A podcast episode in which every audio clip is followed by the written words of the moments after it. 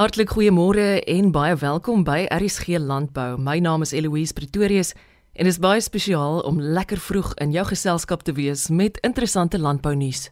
Professor Pieter Swanepoel is hoof van departement agronomie aan die Universiteit Stellenbosch en 'n mede-professor met fokus op bewaringsboerdery asook veidingstelsels. Hy verduidelik aan ons navorsingsresultate wat oor 'n aantal jare in die verband gedoen is. Ondergrondsuurheid kom onder andere onder die vergrootglas, veral binne die raamwerk van bewaringsboerdery. Suid-Afrika het tans 'n gebrek aan agronome. Ons bekyk watter loopbaangeleenthede en kwalifikasies hier binne beskikbaar is. Een van die groot kwessies in in geenbewerkingsstelsels is grondsuurheid. Ehm um, dis ook hoog op die agenda en op die lippe van 'n klomp um, produsente en boere. So geenbewerkingsstelsels ehm um, is ongetwyfeld die beter alternatief. Ehm um, en dit is ook van selfsprekend want omtrent 90% van produsente in die Wes-Kaap het reeds geen bewerkingspraktyke aanvaar en toegepas. So daar's 'n klomp voordele wat geen bewerking inhou. Maar geen bewerking is nie uitsluitlik altyd ehm um, net goed nie. Daar's altyd daar is maar 'n paar ehm um, uitdagings wat ook inkruip en een van dit is grondsuurheid en en om te bekalk in geen bewerkingsstelsels is is 'n is 'n uitdaging. Ehm um, en dit is omdat kalk nie beweeg in die grond nie. So as mense in 'n as mens mens behoort eintlik kalk in te meng deur grondbewerking toe te pas. Maar in geen bewerkingsstelsel het mens nie die keuse nie, so mens gooi die kalkbreedwerpig stroom is dit uit op die grond en die kalk reageer dan net met die grond waar dit in kontak kom met die grond. So met ander woorde, dis nou in die boonste paar sentimeter van die grond. En dan dan lei dit na 'n suurheidsgradiënt. So is alkalies in die bo-grond en dikwels baie suur in die ondergrond. En oor die afgelope 10, 20, selfs 30 jaar wat geen bewerking in die Wes-Kaap um toegepas word, het ons al hoe meer gesien hoe ondergrondsuurheid 'n probleem raak omdat die kalk nie in aanraking kom met met die suur in die in die dieper liggende laag nie. So het, ons het 'n projek toe nou uitgevoer. Dit was 'n MSc student, um Jean-Pierre Pelletier um by departement agronomie by Stellenbosch Universiteit en um om 'n klomp van hierdie strategieë te toets om ondergrondsuurheid in geen bewerkingsstelsels um op te hef. Um ons het saamgewerk met grondkunde departement by by die universiteit en ook die die Weskaapse departement van landbou en SA Kalk en Gips. En um die proewe is nou afgehandel na 'n uh, 'n klompie jare. Ons het dit 3 jaar se veldtoetse gedoen en uh, in die eerste plek het die het die resultate getoon dat as mens kalk in die grond inwerk, dan is dit effektief. Mens kan effektief grondsuurheid neutraliseer, ehm um, veral as mens 'n tandimplement gebruik. Ehm um, en belangrik is dat dit 'n een eenmalige bewerking binne in geen bewerkingsstelsels is. So as daar 'n groot probleem is met grondsuurheid, kan mens kalk inwerk en dan weer terugkeer na geen bewerking toe. Maar belangrik is dat ons na koring en gars opbrengs gekyk en ook die graankwaliteit waar die grond nou by kalk in die grond ingewerk is En alhoewel daar nie 'n groot verskil was waar ons grond bewerk het in graanopbrengs en kwaliteit nie, was die vestiging swakker. So daar was 'n swak stand van 'n plantestand as mens grond bewerk het. Die implikasie is dat mens dan 'n hoër saaidigheid moet mens moet kompenseer deur deur 'n hoër saaidigheid en die insetkoste is dan hoër. Dit is duidelik dat die dat uh, grondbewerking 'n opsie is, maar dis waarskynlik ook nie ideaal nie. 'n Tweede strategie wat ons ondersoek het is om mengsels van kalk en gips toe te dien. En um, ons het byvoorbeeld gesien dat twee dele kalk en een deel gips wat op die oppervlak toegedien is in 'n geenbewerkingsstelsel sonder enige grondversteuring, het die ondergrondsuurheid effektief opgelos ten ten minste beter as die as om net kalk, gewone suiwer kalk bo op die grond te versprei. So gips kan nie kan nie self direk grondsuurheid aanpak nie, maar daar's 'n klomp chemiese reaksies wat gebeur in die grond, veral met met gips en aluminium wat dan indirek die grondsuurheidsprobleme dan nou ophef. So kalk en gips kombinasies is 'n interessante alternatiewe oplossing wat kan oorweeg word in geen bewerkingsstelsels om ondergrondsuurheid te neutraliseer en dit kan dan nou veral gedoen word waar aluminium toksisiteit 'n probleem is. En dan laastens 'n derde strategie wat ons ook ondersoek het is om te kyk na alternatiewe bronne van kalk onder andere verkorrelde kalk en gebluste kalk en um, verkorrelde kalk is ook 'n 'n redelike 'n sterk onderwerp in die bedryf teëstaan en ons het gesien dat daar geen beduidende voordeel van verkorrelde kalk of gebluste kalk is bo die gewone standaard klas A kalk wat beskikbaar is nie. En die kwessie is die verkorrelde kalk en gebluste kalk se vervaardigingskoste is so hoog dat dit uiteraard 'n duurder produk is. Daarom is dit onwaarskynlik dat dat kalkkorrels 'n uh, 'n ekonomiese voordeel sal inhou vir vir gewasproduksiestelsels.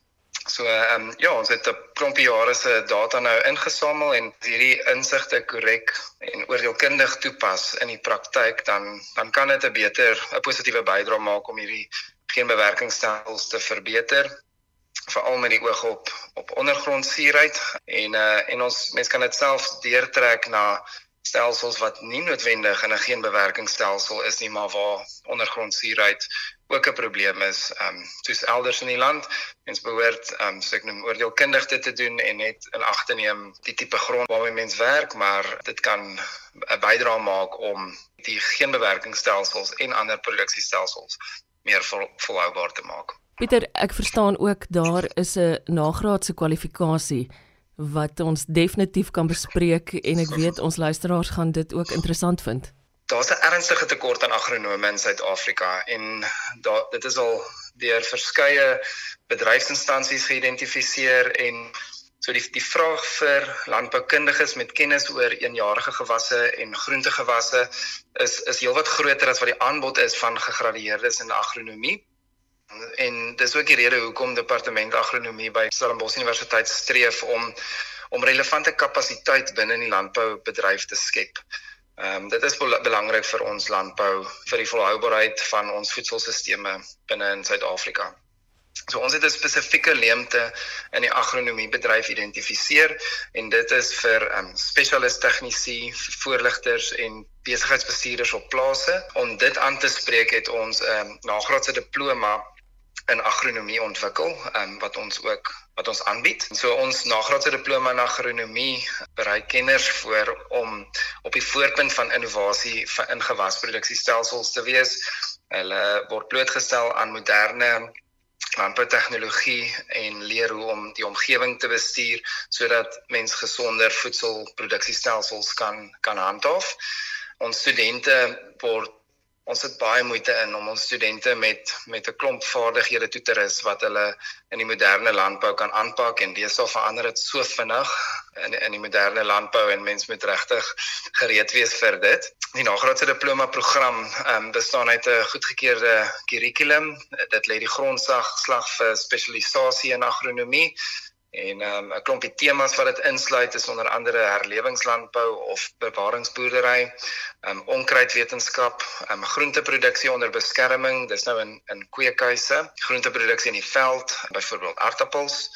Ehm um, ons dek ook nismarkgewasse, klomp bessies, toekomstige gewasse en ook aangeplante weidings.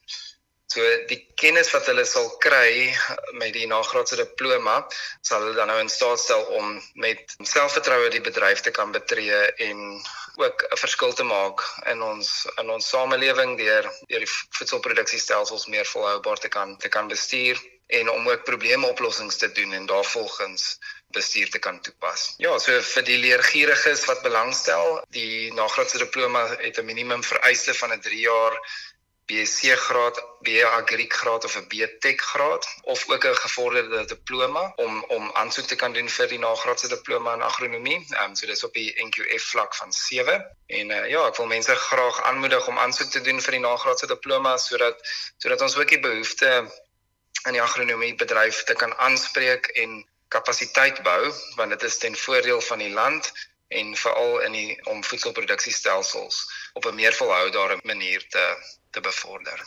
Waar kan ek meer uitvind of moontlik met jou kontak maak Pieter? Ja, hulle is uh, welkom om my te kontak. My e-posadres is pieterswanepoel@sun.ac.za. So dis pieterswanepoel@sun.ac.za. Professor Pieter Swanepoel is hoof van departement agronomie aan die Universiteit Stellenbosch en 'n mede-professor met fokus op bewaringsboerdery asook weidingstelsels. Adjunk direkteur landbou-ekonomie by die Wes-Kaapse Departement van Landbou, Ria Nouers, deel nuttige data omtrent wild en landbougrondpryse. Ons bespreek veral goeie nuus vir boere wat betref wildveilinge. Jong, ek is 'n ekonom.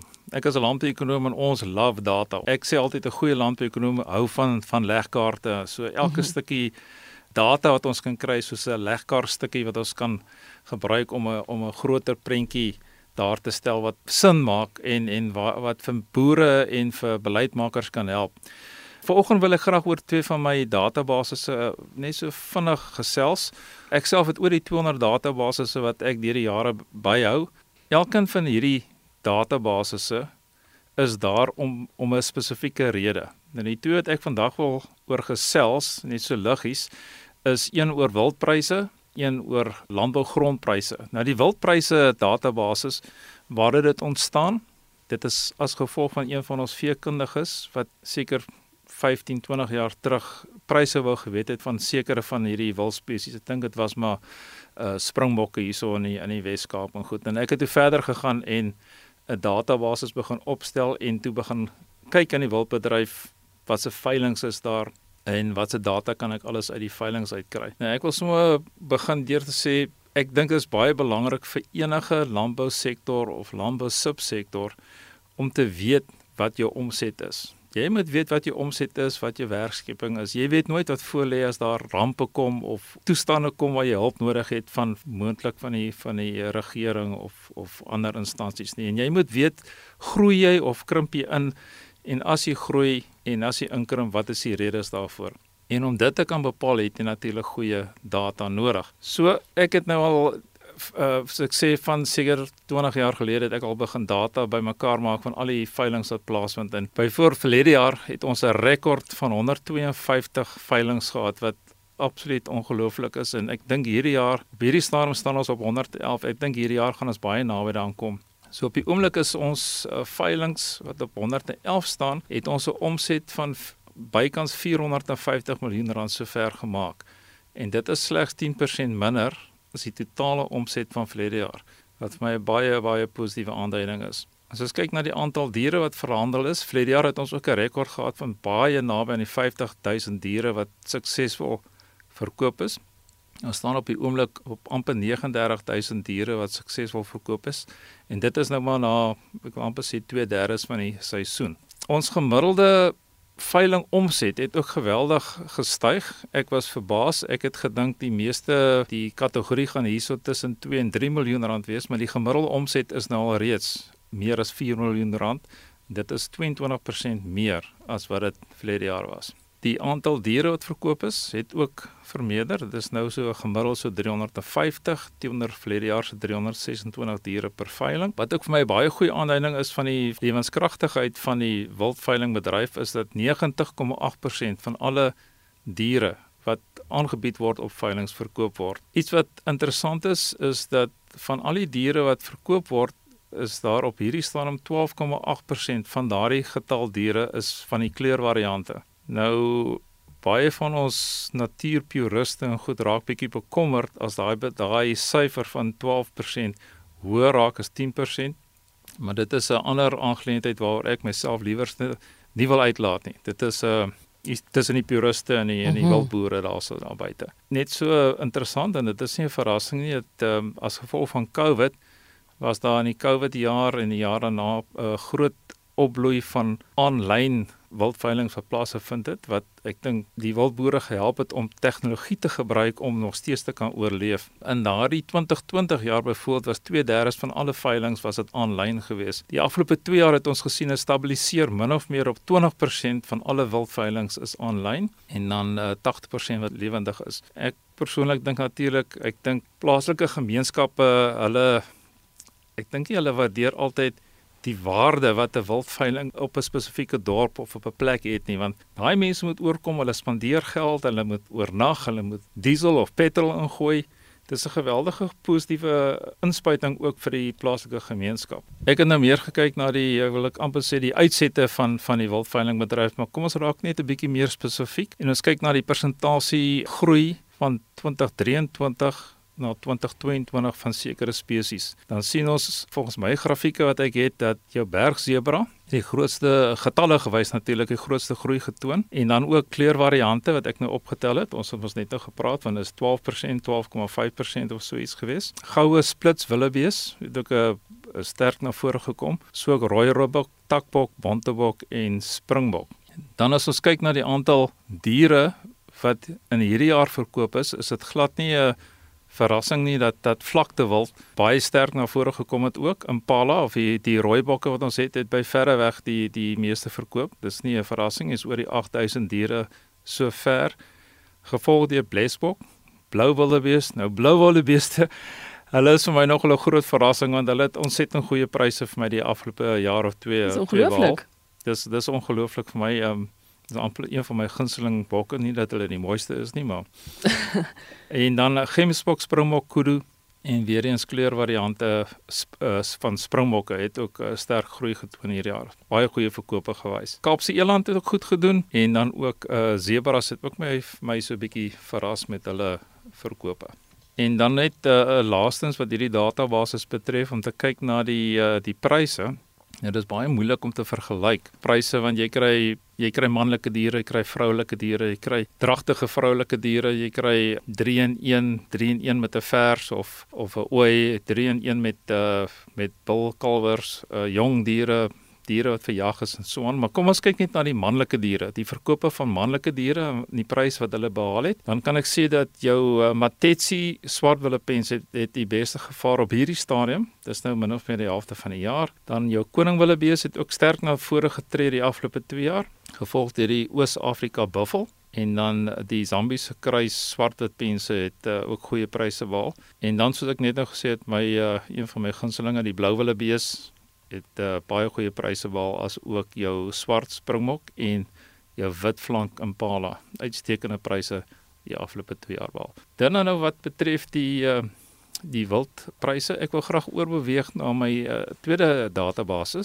Rian, dis baie interessant. Dis wonderlik om uh, meer hiervan uit te vind. Um, ek wonder, is, is ek reg as ek aanneem dis alles baie positiewe nuus? Wel op hierdie stadium is ek geweldig uh, optimisties oor oor uh, wat gaan gebeur en elke week kan ek nie wag vir die, die resultate van die wildveiling wat kom nie want soos ek vroeër gesê het ek ek verwag weer 'n uh, rekordjaar of 'n baie naby aan rekord jaar in terme van verkope en ons omset hierdie jaar die bruto omset gaan definitief die omset van 2022 uh verbeter. Dit is 'n baie groot landboulekkerte. Dis heerlik om na jou te luister ook. Dan is daar nog 'n database stel wat ek wil hê jy oor moet kommentaar lewer. Okay, my my tweede database waar ek wil praat is die ehm um, grondprys database wat ek het en ek het so ek dink in 2003 begin om grondtransaksies te dokumenteer en te gaan kyk wat is die randwaarde per hektaar in die uh, verskillende distrikte. Wat ons gedoen het in die Wes-Kaap, ons het uh, elke distrik gevat en ons het dit in 3 dele opgedeel. Klein, medium en groot boerderyeenhede. Nou ons het dit ook gedifferensieer tussen jou uh, intensiewe dele, jou gemengde boerdery en jou ekstensiewe dele. Byvoorbeeld die grootte klasse wat ons in die intensiewe dele het. Ek noem dit nou maar die wynbedryf daai daai dele hier in die wynlande. Dit is 0 tot 20 hektaar, dis die kleiner eenhede. Dan die medium eenhede is is uh, 21 tot 50 hektaar en dan natuurlik groter as 50 hektaar. En dan in die gemengde dele, dis nou meer die swartland en die runs waar daar meer gemengde boerdery plaasvind. Daar het ons het die klein eenhede was 0 tot 50 hektaar, 50 tot 300 hektaar en dan groter as 300 hektaar. En dan die finale kategorie of die groep was die meer ekstensiewe dele soos die Groot Karoo, die Sentrale Karoo. Daar het ons gevat 'n klein eenheid as 0 tot 100 hektaar, 100 tot 1000 hektaar en dan groter as 1000 hektaar. En die rede hoekom ons dit doen is maar bloot as gevolg van die ekonomie van skaal. Ons almal weet hoe kleiner 'n eenheid is, hoe duurder gaan jy betaal rand per hektaar en hoe groter die eenheid hoe goedkoper word dit eintlik per hektaar. Wat ook gebeur het voor net by spesifieke getalle uitkom. Tydens die COVID jaar toe was ons gedwing om by die huis te sit.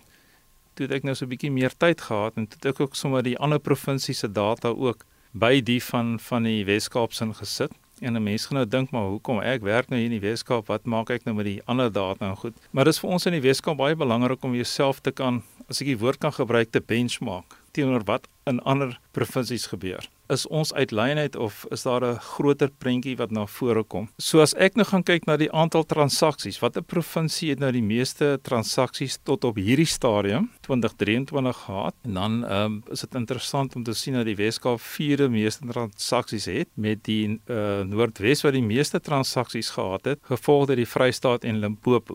Die een wat die minste transaksies gehad het, nogal snaaks genoeg vir my was KwaZulu-Natal. Mense wil ook altyd weet wat is die waarde nou per hektaar en dit is 'n geweldige gevaarlike begrip en ek sê dit ook altyd duidelik in my data, die data wat ek het is net die gemiddelde waardes van die transaksies per hektaar. Dit diferensieer nie oor die infrastruktuur op die plaas, die water, hoeveelheid water wat daar is, die kwaliteit van die water, die kwaliteit van die grondpotensiaal, daai tipe van goed nie. Dis suiwer die gemiddeldes van die plaastransaksies wat plaasgevind het. En as ons gaan kyk na die die duurste grond, rand per hektaar gemiddeld nou, kry mens in die Gauteng die afgelope jaar hulle het by verreweg die duurste grond gehad en dan soos ons kan verwag die Weskaap het die tweede duurste grond per hektaar gehad gevolg deur KwaZulu-Natal nogal met wat ek vroeër genoem het minder transaksies gehad. Waarom was dit sou jy dink? Kan 'n mens dit toeskryf van iets dat daar minder transaksies in KwaZulu-Natal plaasgevind het? Jy weet ek kan nie praat vir ander provinsies nie dit is bitter moeilik en wat 'n mens moet doen, jy moet hierdie goed gaan ontleed. Hierdie data wat ons het en ons het gelukkig dink 2 weke gelede het ons hierdie datastelle oorhandig aan een van ons Kaapse universiteite waar hulle studente hierdie datastelle gekry het en ons is bevoorreg dat hulle dit gaan ontleed en vir ons kom sê hoe waarom dit dit so is. Wat mense ook wil weet is Ons weet nou wat die waarde is hierdie jaar is, maar hoe het die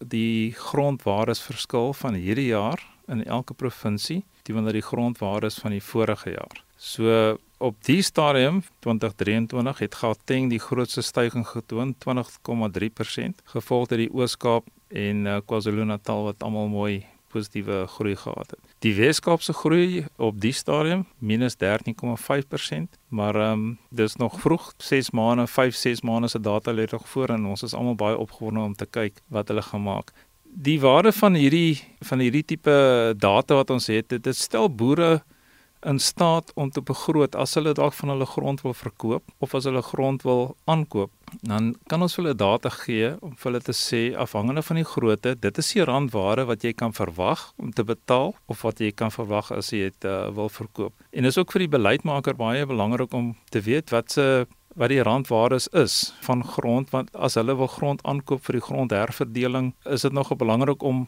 wetenskaplik gefundeerde akkurate data te kan ge gebruik om in hulle um, begrotings te te kan gebruik. Indien jy jou wil vergewis rondom enige van die sake wat ons nou bespreek het, hoe kan 'n mens moontlik met jou in kontak tree? Baie maklik, hulle kan op ons webtuiste gaan kyk onder Agri Tools Hierdie data waaroor ek gepraat het, is beskikbaar op ons Elsenburg webtuiste. Die grondprysdata wat ek weekliks bymekaar maak, word ook beskikbaar gestel elke maand op ons webtuiste Elsenburg. En dan die die wildveilingprysdata word ook uitgebeeld by ons webtuiste sowel as ek stuur dit uit aan enigiemand wat belangstel. Ek het reeds so wat tussen 30 en 40 mense wat uh, maandeliks die opgesomde data kry van die wildveilingpryse www.elsenburg.com is waar jy meer kan uitvind oor wat ons pas oor wildveilings en landbougrondpryse bespreek het. Dis ook die webtuiste om by aan te klop indien jy dalk weer na hierdie program wil luister. Rian Nouwers is adjunkdirekteur landbouekonomie by die Wes-Kaapse Departement van Landbou. Dankie dat jy geluister het na RSG Landbou. My naam is Eloise Pretorius en ek sien uit na ons volgende afspraak môre om kwart voor 12. Intussen wens ek jou 'n wonderlike Vrydag waar jy jou ook al mag bevind in die mooi land van ons. Totsiens.